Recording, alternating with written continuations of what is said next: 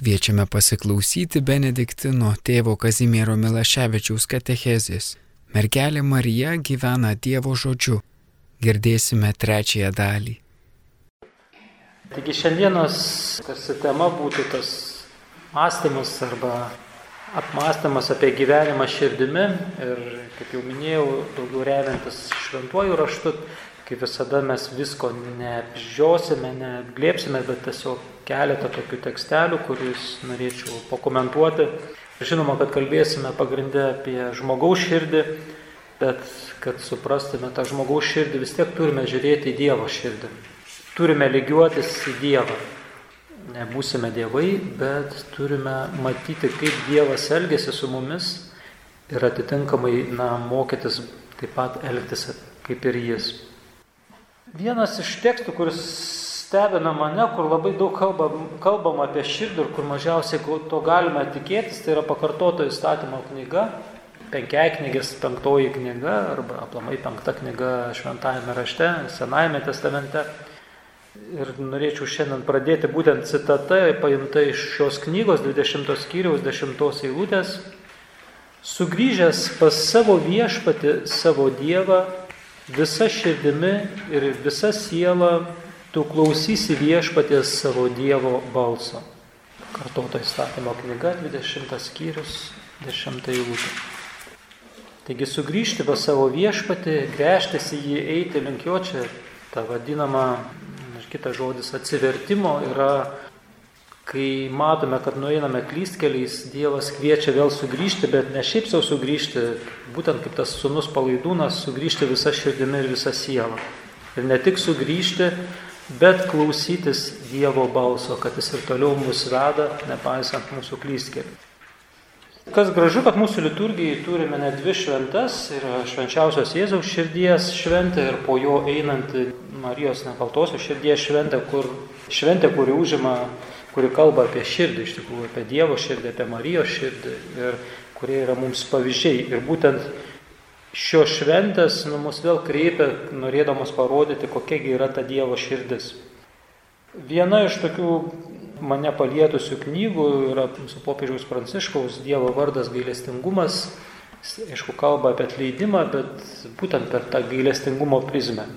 Ko jūs domina, tikrai jo knygos nėra, mintis nėra sunkios, bet labai gilios ir, ir vedančios iš tikrųjų į tą atsivertimą, grėžimas link Dievo. Dievas yra gailestingumas, Dievas yra meilė. Ir visi šie žodžiai į kągi mus kreipia į gyvenimą. Dievas sukūrė žmogų tam, kad jis būtų laimingas. Todėl mūsų širdise vyrauja nesibaigiančios laimės ilgesys, o mūsų gyvenimuose nuolatinis jos ieškojimas. Ieškome įvairiai, per gerus dalykus, per blogus. Vagis netgi vogdamas kažkokius turtus galvoja taip atrasę savo laimę. Na, klaidingai, bet vis tiek už to slypi geismas, na, gyventi, turėti ir taip toliau. Jums žinoma Švento Augustino frazė, kuris sako, kad nenurims žmogaus širdis tol, kol ji nesuras atilsio Dieve.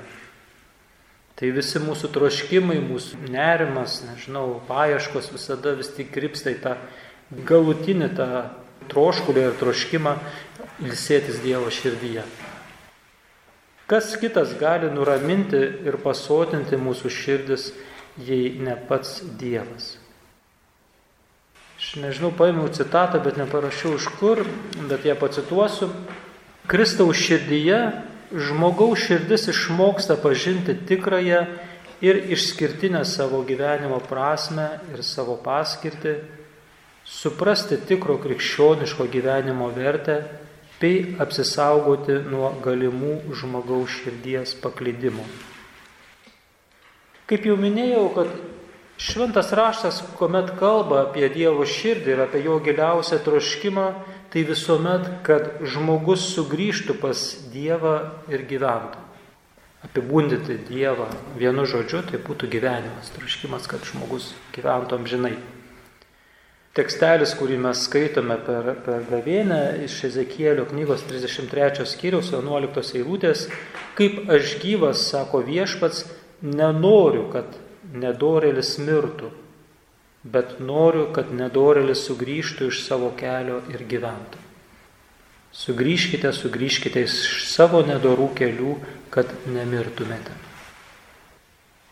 Taigi Dievas kviečia mūsų darbas bent jau grėžtis į Dievą ir prašyti jo apglėpti savo gailestingumu. Šventasis raštas pateikia Dievo kaip tėvo ir motinos paveikslą. Būtent ir jo esminį dievišką įbruožą gailestingumą.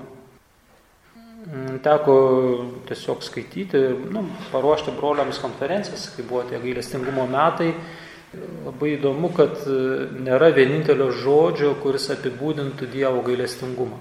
Yra keliolika bent terminų, kurie vienaip ar kitaip išreiškia tą, tas jums žinomas gal hezed, hebrajiškas žodis, kuris vėlgi mes vienaip į lotynų kalbą verčiamas kaip gailestingumas, į lietuvių kalbą kaip ištikima meilė, ir taip toliau, ir taip toliau, ta prasme, kad jis tiesiog nepriepintis yra vienas, po to yra kiti žodžiai kaip emet, yra tiesa, vėlgi jį įeina į Dievo galestingumo savoką. Ir atsižvelgiant, kaip aš sakiau, Dievas reiškia ir kaip tėvas, ir kaip motina, dvasia, tai būtent moniniškas tas prazas išreiškiamas ruchamintas, dieviškos iššios, kuriuose jis mus gimdo, arba vėlgi gailestingumo antrą savoką, O vyriškas pradas gal tuo hezet gailestingumu ar tą ištikimą meilę. Taigi Dievo tėvo širdis reiškiasi gerumu, tiesa, ištikimybė, tai yra žodžiai, kurie reiškia jau gailestingumą. Tuo tarpu Dievo motiniška širdis reiškiasi užuojautą, švelnumu, gailestingumu ir taip toliau. Bet šiandien norėčiau šiek tiek pažvelgti ką Biblija kalba apie žmogaus širdį. Kokia yra žmogaus širdis bei kokia ji turėtų būti iš tikrųjų. Pirmas žvilgsnis tai, kad žmogaus širdis tai betarpiško Dievo kūrimo vaisius. Todėl vienoje iš psalmių, labai graži psalmė, randame į Dievą nukreiptą nuostabos kūpiną šūksnį. Tai čia yra 139 psalmė, galite skaityti visą. Aš čia tik pacituosiu 13 eilutę. Dieve, juk tu mano širdį sukūrėjai. Ištirk mane Dieve, pažink mano širdį ir žinok mano mintis. Pažiūrėk, ar einu klyskeliu ir vesk mane amžinuoju keliu kaip nekeista, visai nekalbame apie protą, gal mažiau kalbam apie jausmus ir kai kalbame apie širdį, kalbame apie mano mintis, vėlgi, kad, na, kaip aš jau minėjau, tas emocijos ir tas protas suvedama iš širdies, sakyčiau, tą lygmenį. Tad biblinėje kalboje šis žodis širdis reiškia žmogaus esmę, jo centrą. Ji apima tiek žmogaus protą, tiek jausmus ar emocijas, jo pasaulyje jautą, gebėjimą mylėti, atpažinti Dievo valią. Žmogaus širdyje glūdi jo ketinimai, jo norai, jo gyvenimo apsisprendimas. Ir šis apsisprendimas yra kertinis, tai yra rinktis kelią vedantį į gyvenimą, ką Dievas mus kviečia, arba kelią į mirtį. Ir būtent tas pats tekstas, kurį aš jums citavau pradžioje, tai jį pacituosiu plačiau, tai yra vėlgi pakartoto įstatymo knygos 30 skyrius, pirma 20 eilutės, jūs galite jie vintisai perskaityti, pamatysite, kiek ten kalbama apie širdį vėlgi. Aš čia tokiom iškarpom jums tik pacituosiu, pabrėždamas kai, kai kuriuos žodžius. Viso gyvenimo programa iš tikrųjų jūs Mozei sakomi žodžiai, kadangi Mozei vėlgi eina prie mirties ir tarsi tokia santrauka, na, kur link yra žmogus kviečiamas. Kai visi šie žodžiai, palaiminimai ir prakeikimai, kuriuos tau susakiau, bus išsipildę, jei paimsi juos į širdį, būdamas bet kokiuose tautose, į kurias viešpats tavo Dievas bus tave nubloškęs, jei sugrįši pas viešpati savo Dievą ir tu bei tavo vaikai klausysite jo balso visą širdimi ir visą sielą, kaip aš įsakau tau šiandien, tada viešpats tavo Dievas sugražins tave iš tremties ir tavęs pasigailėdamas vėl surinks tave iš visų tautų po kurias viešpats tavo Dievas bus tave išsklaidęs. Be to viešpats tavo Dievas apipjaustis tavo širdį ir tavo palikuonių širdį, kad mylėtumėj viešpati savo Dievą visą širdimi ir visą sielą ir išliktumėj gyvas. Tave praturtinamas viešpats vėl džiaugsis, kaip jis džiaugiasi praturtindamas tavo protėvius nes jau sugrįžęs pas viešpati savo Dievą visą širdimi ir visą sielą, tu klausysi viešpati savo Dievo balso, vykdydamas jo įsakymus, įstatus, surašytus šioje mokymo knygoje. Tikrai šis įsakymas, kurį šiandien tau duodu, nėra nei per sunkus, nei per tolimas. Ne, tas žodis yra labai arti Jis yra tavo lūpose ir tavo širdyje, kad vykdytumai. Šitas centrinis tekstas nuo 15 eilutės. Štai, šiandien padėjau prieš tave gyvenimą ir gerovę, mirtį ir pražūtį. Jei laikysies viešpatės savo Dievo įsakymų, kuriuos šiandien duodu tau, mylėsi viešpatį savo Dievą, eisi jo keliais laikysies jo įsakymų, įstatų, įsakų, tada klėstėsi ir tapsi gausus, o viešpats tavo Dievas tave laimins krašte, kurio eini paveldėti. Tačiau jei tavo širdis, vėlgi širdis yra, nusigręš, neklausysi ir būsi išvestas iš kelio garbinti svetimų dievų ir jiems tarnauti, Šiandien tau pasakau, kad tikrai žūsite. Šiandien šaukiu dangų ir žemę liudyti prieš tave, padėjau prieš tave gyvenimą ir mirtį, palaiminimus ir prakeikimus.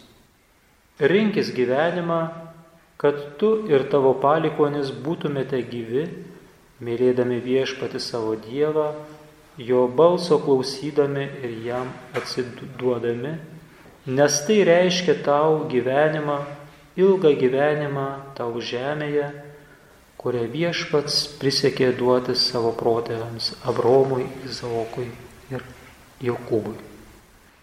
Tik tas pasirinkimo klausimas yra esminis mūsų gyvenime. Dievas mums siūlo du kelius, iš tikrųjų, dėl to, kad esame laisvi.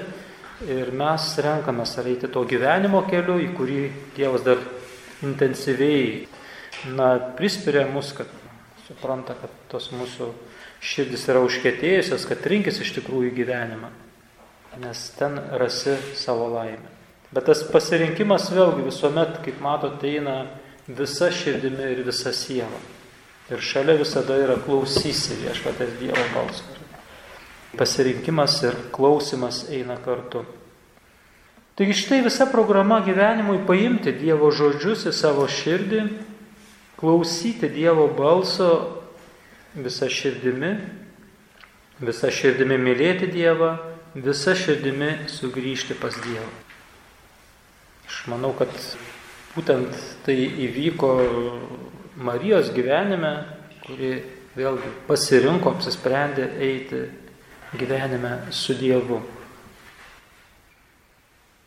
Žmogaus širdis apie tai irgi atrodo, aš esu minėjęs, išlieka neižvelgiama protų nesuvokiama tikrovė. Tai yra tikra ta bedugnė, dėl to, kaip aš sakiau, mes negalime apibriežti žmogaus pagal jį elgesį.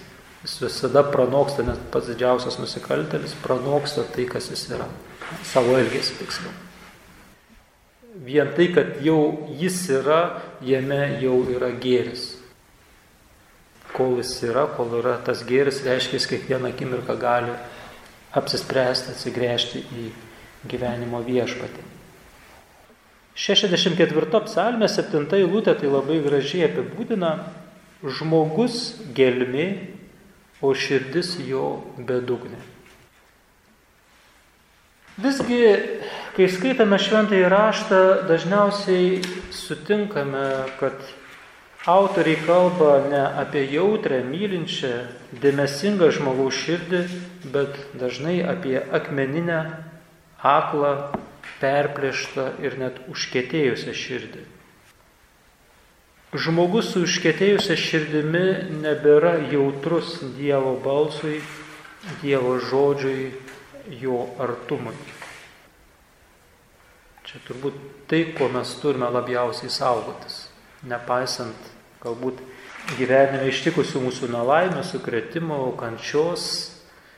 Rūj Dievas leisdamas tuos dalykus visada rizikuoja su mumis, su kiekvienu žmogumi, kad žmogus gali pasakyti stop. Nuo to, aišku, gyvenimas nebūtinai pasikeis, bet Dievui tai bus dar didesnis skausmas. Užkėtėjusi širdis nebegirdi Dievo šnapždėsio, tampa nejautri šventosios dvasios prisilietimui, raginimui keistis arba grėžtis į Dievą. Tokiai širdžiai trūksta gilumos, vidujiškumo, trūksta vidinio regėjimo, Dievo žodžio girdėjimo ir suvokimo.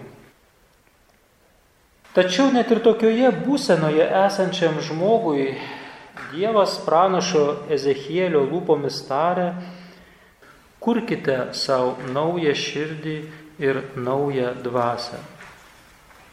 Ir truputį toliau, 36 skyriui, 26 lūtė, duosiu jums naują širdį ir atnaujinsiu jūs naują dvasę, išimsiu iš jūsų akmeninę širdį ir duosiu jums jautrę širdį. Biblijoje įprastai paliepimas, ta prasme kažką mums daryti, eiti, visuomet eina kartu su pažadu. Kaip jau aš jums tą minėjau, tekstas Obromo, eik ir aš tau parodysiu.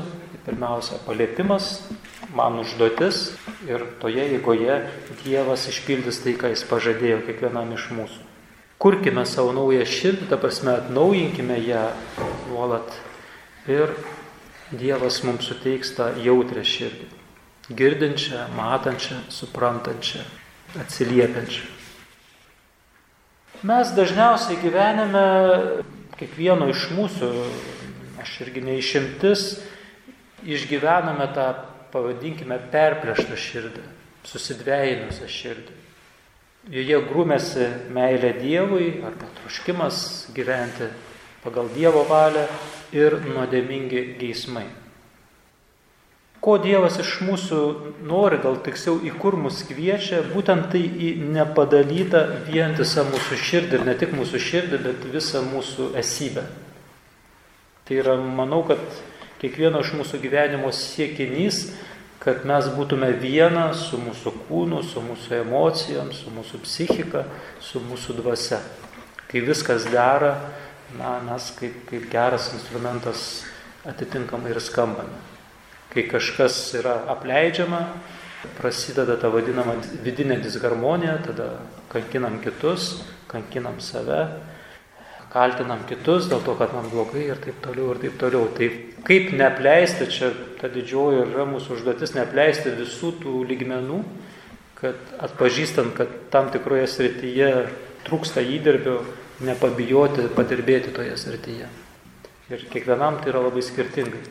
Kaip sakau, galime būti subrendę žmonės amžiumi, bet emociškai būti visiškai kūdikiai ar, ar kitoje, ar psichologiškai, ar, ar dvasiškai, ta prasme, kur investuojame į tam tikrą dalį, pavyzdžiui, dabar labai populiaru investuoti vien tik į kūną, gal ne, taip, bet dažnai užmirštam kitas dalis ir po to tampam tokias vat, gražios lėlės, bet, bet be širdies, be, be jausmų, be, be gyvybės iš tikrųjų.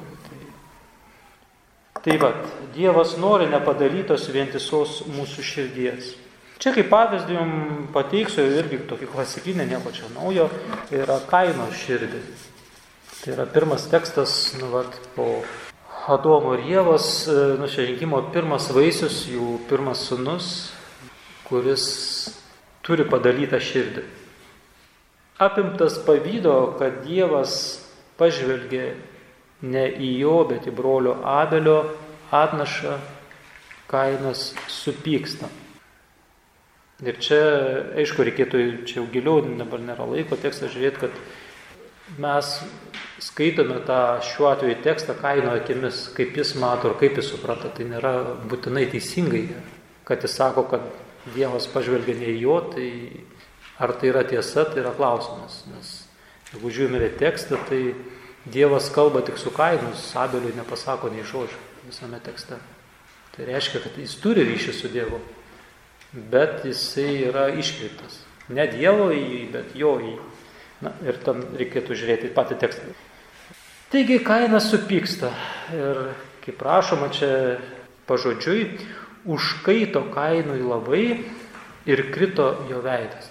Kai mes simame pavydėti ir supykstame, mes nebegalime žiūrėti tiesiai į žmogų. Tas mes nutrunka santykis, žiūrime žemę, net ne į dangų, bet į žemę. Nukrito jo veidas, tai dabar sme, kad nebėra to santykio tiesiog. Ir tas užkaitimas, nu tai aišku, čia jau vyksta emocijų srity, čia ne meilės sugnis, bet, bet nuo to va, pavydo. Taigi Dievas, matydamas kaino pyktį ir nevilti, e, jį perspėja. Prie durų nuodėmė tyko, į tave nukreiptas jos troškimas, bet tu suvaldysi ją. Ir toks labai sutrauktas, tikrai vertimui labai nepatogus tekstas, aišku, prie durų, bent jau aš kaip interpretuoju visada yra ta prie širdies durų, tai reiškia, nuodėmė tyko, ji nėra tavo širdyje, ji tavęs geidžia, į tave nukreiptas jos troškimas, nes jie yra už ko užsikabinti, tai yra tavo piktis. Ir šitas sakinys, bet tu suvaldysi ją, gali būti klausimo formai, gali būti, ar tu suvaldysi ją, gali būti, kad tu tikrai gali ją suvaldyti, na, kaip kvietimas, suvaldyk ją. Taigi nuodėme tyko prie mano širdies durų. Ji laukia progos, kada galės į ją įeiti ji nėra mano širdyje, nes tuomet nebūčiau laisvas ir turėčiau elgtis jos veikiamas. Gundimas mane vilioja elgtis prieš laisvę ir eiti prieš laisvę, gundo atverti savo širdies duris. Tai gundimas tai yra, pavadinkim, nuodėmės tarpas. Jis yra tarpininkas tarp nuodėmės ir manęs, ta prasme. Nu, jis ieško visokių būdų, kaip atverti mano širdies duris, kad po to karalienė nuodėmė įtų jį. Tai manau, kad ir jums teko gyvenime patirti, kad mes, ką mes dažnai darom, kai ateina kažkokia mintis, nedara pavadinkime, jie ateina kaip gundimo forma, bet kas mūsų klaida, kad mes dažnai su jie susitapatinam, kad mes toj priemam ją kaip savo, kai iš tikrųjų yra primesta iš išorės. Kad ji būtų sava, tai reiškia, kad ji turi jau gimti širdyje, kaip apsvarstyta, apmastyta ir nuspręsta, kad aš kažkam tai linkiu dabar blogą. Bet dažniausiai tai būna, kad jie ateina iš išorės, nes, nu kaip sakyti, piktajam reikia užsidirbti duonos, tai jis turi darbuotis, ta prasme, tai kas jam belieka, taip mėtyti tas įvairias piktas mintis, kadangi yra protinga dvasia, čia jau Maceina žodžiai labai ar dabar maišu, ar, ar čia iš didžiojo inkvizitoriaus, aš nežinau, nes jo komentaras. Baisioji ir protingoji dvasia, kuri pažįstamas, bet tik tiek jį pažįsta, kad rastų mūsų silpnas vietas ir per jas pabandytų, na, vat, pasiūlyti, kabutėse gerų dalykų, nu, lengvų, malonių, bet rezultatas iš to būna nekoks. Tai va, yra mūsų širdis, kuri turi duris, yra gundimas, kuris kalvina ją, kad ją atidaryti, o šalia, kaip rašo tekstas labai gražiai, tyko nuodėmiai, pasiruošęs, kai tik prasiveria duris, pro jas įeiti. Tai va, atskirkime, kas yra kas. Na, čia mūsų darbas dvasinis. Taigi minėjau, jog Biblijoje širdis tai ne tik jausmų vieta, bet ir proto, ar tiksliau apsisprendimo vieta, asmens valdymo centras.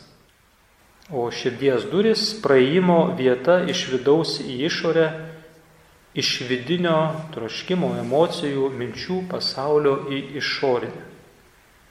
Ir čia yra tas būtent, na va, Kam, nu, kainas, arba sakykime, mes galim čia tapatintis paklus, ar Dievo žodžiai, kuris sako, kad perspėja jį ir sako, tu gali suvaldyti tą savo troškimą ar geismą, ar nuodėmės geismą.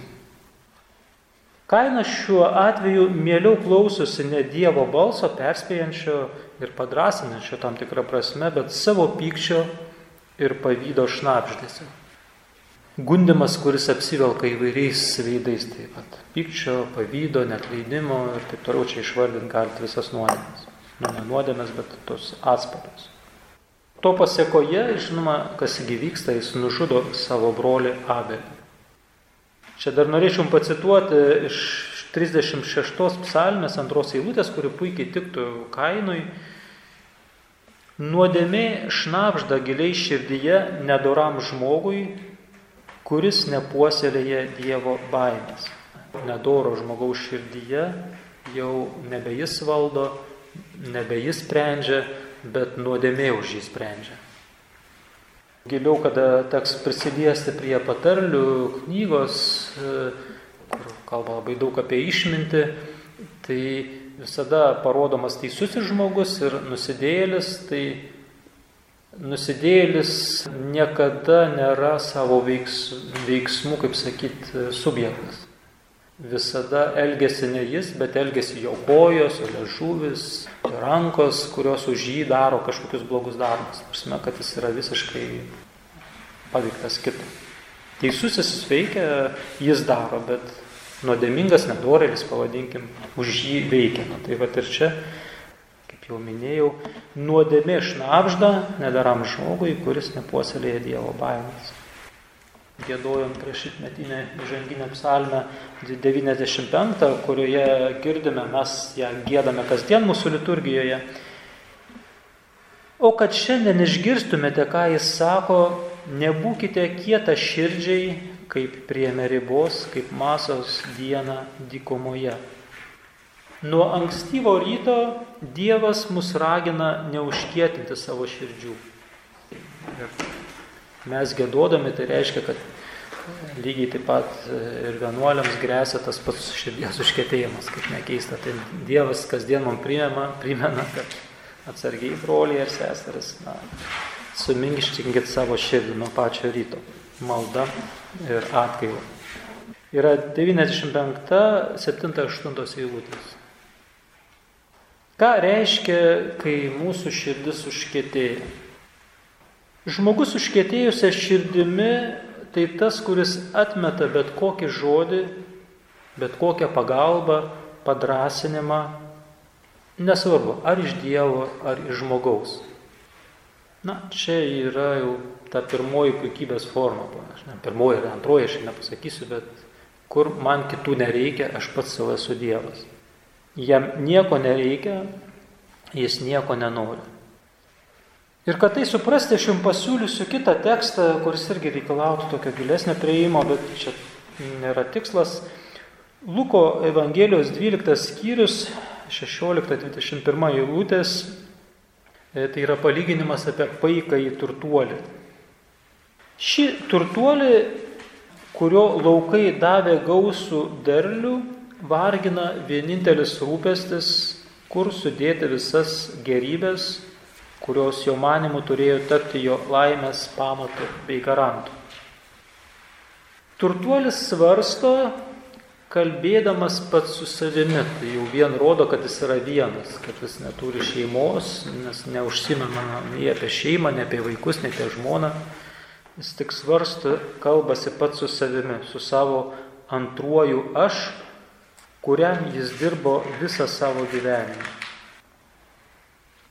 čia 17 eilutė, jis pradėjo savo vieną svarstyti, ką man čia dabar padarius, neturiu kur sukrauti dėlius. Ir toliau 19 eilutėje, tada tarsiu savo sielai, visą laiką yra į save, į savo sielą, į savo aš. Tarsiu savo sielai, mano siela, tu turi daug gerybių sukrautų ilgiems metams, ilsėkis, valgy, gerk ir linksmai pokeliauk. Ir Dievas jam tarė, kvaily dar šiandien bus pareikalauta tavo gyvybės, kamgi atiteks, ką susikroviai. Taigi turtuolis drąsina savo sielą, žadėdamas jai ramų ir sotų gyvenimą. Ir vėlgi, nepaisant, kad jo to uždarumo, kuris tik kalbasi su savimi, Dievas tam tikrą prasme jo nepalieka ramybė, įsiterdamas į jo tą monologą ir tardamas kvaily, na, neprotingas, dar šiandien bus pareikalauta tavo gyvybės, tai yra tavo sielos, kuriai tu dirbai visą savo gyvenimą. Kamgi atiteks, ką susikrovi. Tam tikra prasme, ar nematai, kad priešais tave nėra nieko kito, kaip tik žiojėjantis vienišumas. Tai vienišumas žmogaus, kuris matydamas tik save patį, nenori priimti meilės dovanos. Vienišumas to, kuris atsisako pripažinti esas vargšas. Tai vienišumas, į kurį nebegali prasiskverti meilė, toks vienišumas, kuriame nebėra vietos mylinčiojo artumui, kurio nebegali pasiekti joks balsas tarsi užsidarimas tokiam uždaram rate, kur aš pats galiausiai ir uždūsiu tame, tame burbulę savo vienatvės ar vienišumo tiksliau. Ir visgi Dievas praplėšė savį užsisklendusio turtuolio vienatvės šydą, klausdamas ir kartu kviesdamas jį išeiti iš jį supančio mirties rato. Ir tas palyginimas lieko tokio klausio formų, mes nežinom, jis mirė, nemirė, bet, bet tai yra klausimas kiekvienam iš mūsų. Taigi gyvenimas be širdies ar užkėtėjusios širdies, tai gyvenimas uždarame rate, nesuvienytas, nesušildytas, nepripildytas santykių gilumos. Širdis negyvena, yra užgesusi arba ir tai mes patirime negatyviu būdu, kad turime širdį. Ji yra, tik tai ji nefunkcionuoja. Norime ją gyventi, bet negyvename, nes kažkas mums trukdo. Senajame testamente Dievas bando žmogų tam, kad galėtų pažinti jo širdį, kad galėtų žinoti, kas yra jos gelmėje. Kai išgyvenat kažkokius krizės momentus, kažkokią kančią, netekti, Čia galbūt reikėtų tame matyti ir kontekste, kur Dievas mūsų prašo išgryninti mūsų intencijas, prašo, na, vat, pažiūrėti, kas mūsų gyvenime užima vietą mūsų širdyje. Ar kažkoks žmogus, ar turtai, ar iš tikrųjų yra kitos vertybės. Bando žmogų tam, kad galėtų pažinti jo širdį. Kad galėtų žinoti, kas yra jos gelmėje. Čia dar vienas tekstas iš pakartoto įstatymo knygos. Čia kalbama, kai jie na, ėjo tą 40 metų per dykumą į tą pažado žemę ir sako Mozai. Tiksliau, Mozė byloja savo tautai. Atsimink tą ilgą kelią, kuriuo tave vedė viešpats tavo Dievas per tuos 40 metų dykumoje, įdant padarytų tave nuolankų bandydamas sužinoti, kas buvo tavo širdyje, ar tu laikysiesi jo įsakymų ar ne. Dar norėčiau sugrįžti prie Abromo, mano irgi labai mylimo personažo, per pradžios knygos 22 skyrių. Būtent kuomet Dievas taip pat nori išbandyti Abromą. Ir, sakyčiau, tokiu unikaliu, ypatingu būdu kur iš tikrųjų galėtume net suabejoti, ar tai Dievas kalba, ar pats piktasis, ta prasme, kad jis prašo Abromo paukoti savo vienatinį sūnų. Iš tiesų, visas Abromo gyvenimas jau buvo pažymėtas nuolatiniu savęs peržengimu, nuolatiniu atsižadėjimu kas savo. Jis toks lieka truputį vienuoliams kaip nu, vat, pavyzdys, koks turėtų būti mūsų vienuoliškas gyvenimas. Po savo tėvo mirties Abromas Dievui paliepus palieka tėvų namus, artimuosius, draugus ir iškeliauja į kraštą, kurį Dievas pažada jam parodyti. Jis jau buvo sulaukęs šimto metų, kai jam gimė Dievo pažadėtas sunus Izaokas. Žinote, vien tai, kad laukti šimtą metų sunaus, kurio tu troškai visą gyvenimą, tai yra šis tas, nuo to gali pavargti gyventi. Ir štai nespėjus Abromui darai, daramai pasidžiaugti, tai sūnui buvo ar 12 ar 14 metų, aš nepamenu ten tiksliai, kur jau jis tampa, nu, vat, pagaliau išaugintas, kai jis vėl yra išmėginamas, ne Izaokas, bet Abromas. Tik šį kartą jis prašo ne kažko, bet tai, kas jo gyvenime yra brangiausia. Paukoti savo kūno vaisių, savo vienturtį, mylimąjį sūnų, vienatinį dar Izauką. Taigi Dievas prašo Abromo paukoti tai, kas liečia jo giliausią savasties dalį. Paukoti tam tikrą prasme Dievo pažadą, nes Izaukas yra Dievo pažadas sūnus. Tai yra savo sūnų, per kurį Dievas pažadėjo palaiminti visas tautas. Ir dar ko jis prašo paukoti, tai turbūt kas būna sunkiausia, tai savo tėvystės. Taigi Dievas išmėgina Abromą, kad galėtų pažinti ir atskleisti tiesą apie jo širdį. Jis išlaikė egzaminą, kuomet jis ištiesė ranką, kad nužudytų savo sūnų, išgirsta Dievo balsą. Nekelk rankos prieš berniuką, dabar žinau, kad tu bijai Dievo, nes neatsisakėjai atiduoti mano, man savo vienturtį sūnų ir išbandymas baigėsi. Tik dabar žinau, kai jau ranka pakelta, tik dabar, ne prieš tai. Na, ten reikėtų vėlgi visą tekstą žiūrėti, jis, jis toks ištestas bebepotiškai. Ta prasme, kad tas bandymas, na, nėra vien tik pakelta ranka, ta prasme, bet visa ta kelionė, pasiruošimas ir taip toliau. Jeigu ką domina to teksto, toks daugiau žvilgsnis filosofo, yra šitas Kirkegardas, man atrodo, parašęs komentarą Mirtis ir drebėjimas, jeigu aš nepamenu, aš tiksliai apie Bromą auką šitą. Kirkegardas yra Danų protestantų nu, filosofas, yra, bet jisai būtent ima šį tekstą ir permasto, nu, vat, ką reiškia būtent tą paukoti sūnų. Taigi šis išbandymas iš tiesų yra meilės išbandymas. Dievas prašydamas Abromo paukoti savo mylimąjį sūnų, iš tiesų išbando Abromo meilę jam. Kas Abromo gyvenime užima pirmą vietą?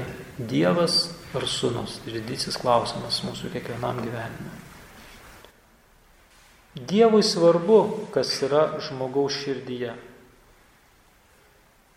Kaip skaitome Samuelio knygoje, pirmo Samuelio knyga, taip pat žinomas tekstas, 16 skyrius 7 eilutė, juk Dievas ne taip mato kaip žmogus, žmogus mato, kas akimis matoma, o viešpats žiūri į širdį. Taigi būtent širdies gelmė atskleidžia, koks yra žmogus. Išvaizda dažnai būna apgaulinga. Žmogus gali pasirodyti vienoks, gražus, tobulas, tačiau viduje ar giliai širdyje gali būti visiškai kitoks. Laimiai Dievas žiūri į žmogaus vidų, ne į jo išorę. Jis žvelgia į žmogaus vidų, kur slypi tikrasis grožis. Ir jeigu žmonės nemato to tikro grožio, tai Dievas nu, nori mums parodyti, kad mes esame gražus ir kad mes esame vien tai, tai mes jau esame gražus. Ir, ir dažnai mums labai sunku patikėti tais Dievo žodžiais. Daug lengviau patikime žmogum, kuris sako vienaip ar kitaip, bet ne Dievu. Taigi Dievui rūpi širdis, tai yra vidinis žmogus, jo mintys, pažiūros, jausmai, apsisprendimai ir taip toliau. Taigi šį rytą galime pažvelgti į savo širdį, į savo gelmę, kokia ji, kokia mano širdis, gal akmeninė, tai yra nejautri artimui, perplėšta, tai yra susidvėjinusi, užkėtėjusi, neatsiliepianti į Dievo įkvėpimus bei paraginimus. Pabaigai tiesiog perskaitysiu Švento Bonaventūros maldą švenčiausios Jėzaus širdžiai. Tuo ir užbaigsime šiandien. šį rytą. Gerasis Jėzau, kaip nuostabu ir gera gyventi tavo širdyje. Ji yra neišsenkantis lobis, vertingas perlas, atrastas tavo sužeisto kūno paslaptyje, lyg suartoje dirboje. Atradau tavo širdį, maloningasis Jėzau, karaliaus širdį, brolio draugo širdį. Pasislėpęs tavyje, argi galėčiau nesimelsti?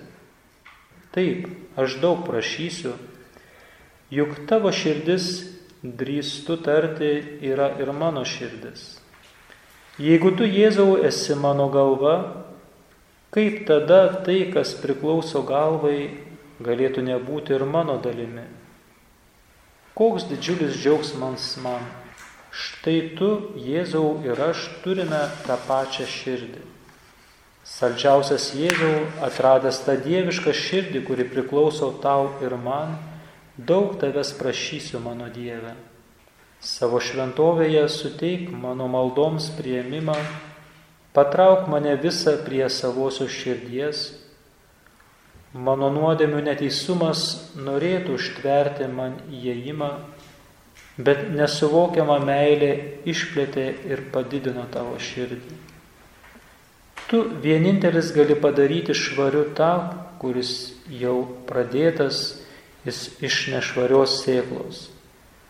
Nuostabusis Jėzau, nuplauk mano prasižengimus, nuvalyk mano nuodėmes, kad tavo apiplautas galėčiau tyras artintis prie tavęs, kad galėčiau įžengti į tavo širdį, gyventi joje visas mano gyvenimo dienas ir daryti vien tai, ko iš manęs reikalauja. Amen. Klausėmės Benediktino tėvo Kazimiero Milaševičiaus katechezės. Mergelė Marija gyvena Dievo žodžiu. Tai buvo trečioji dalis.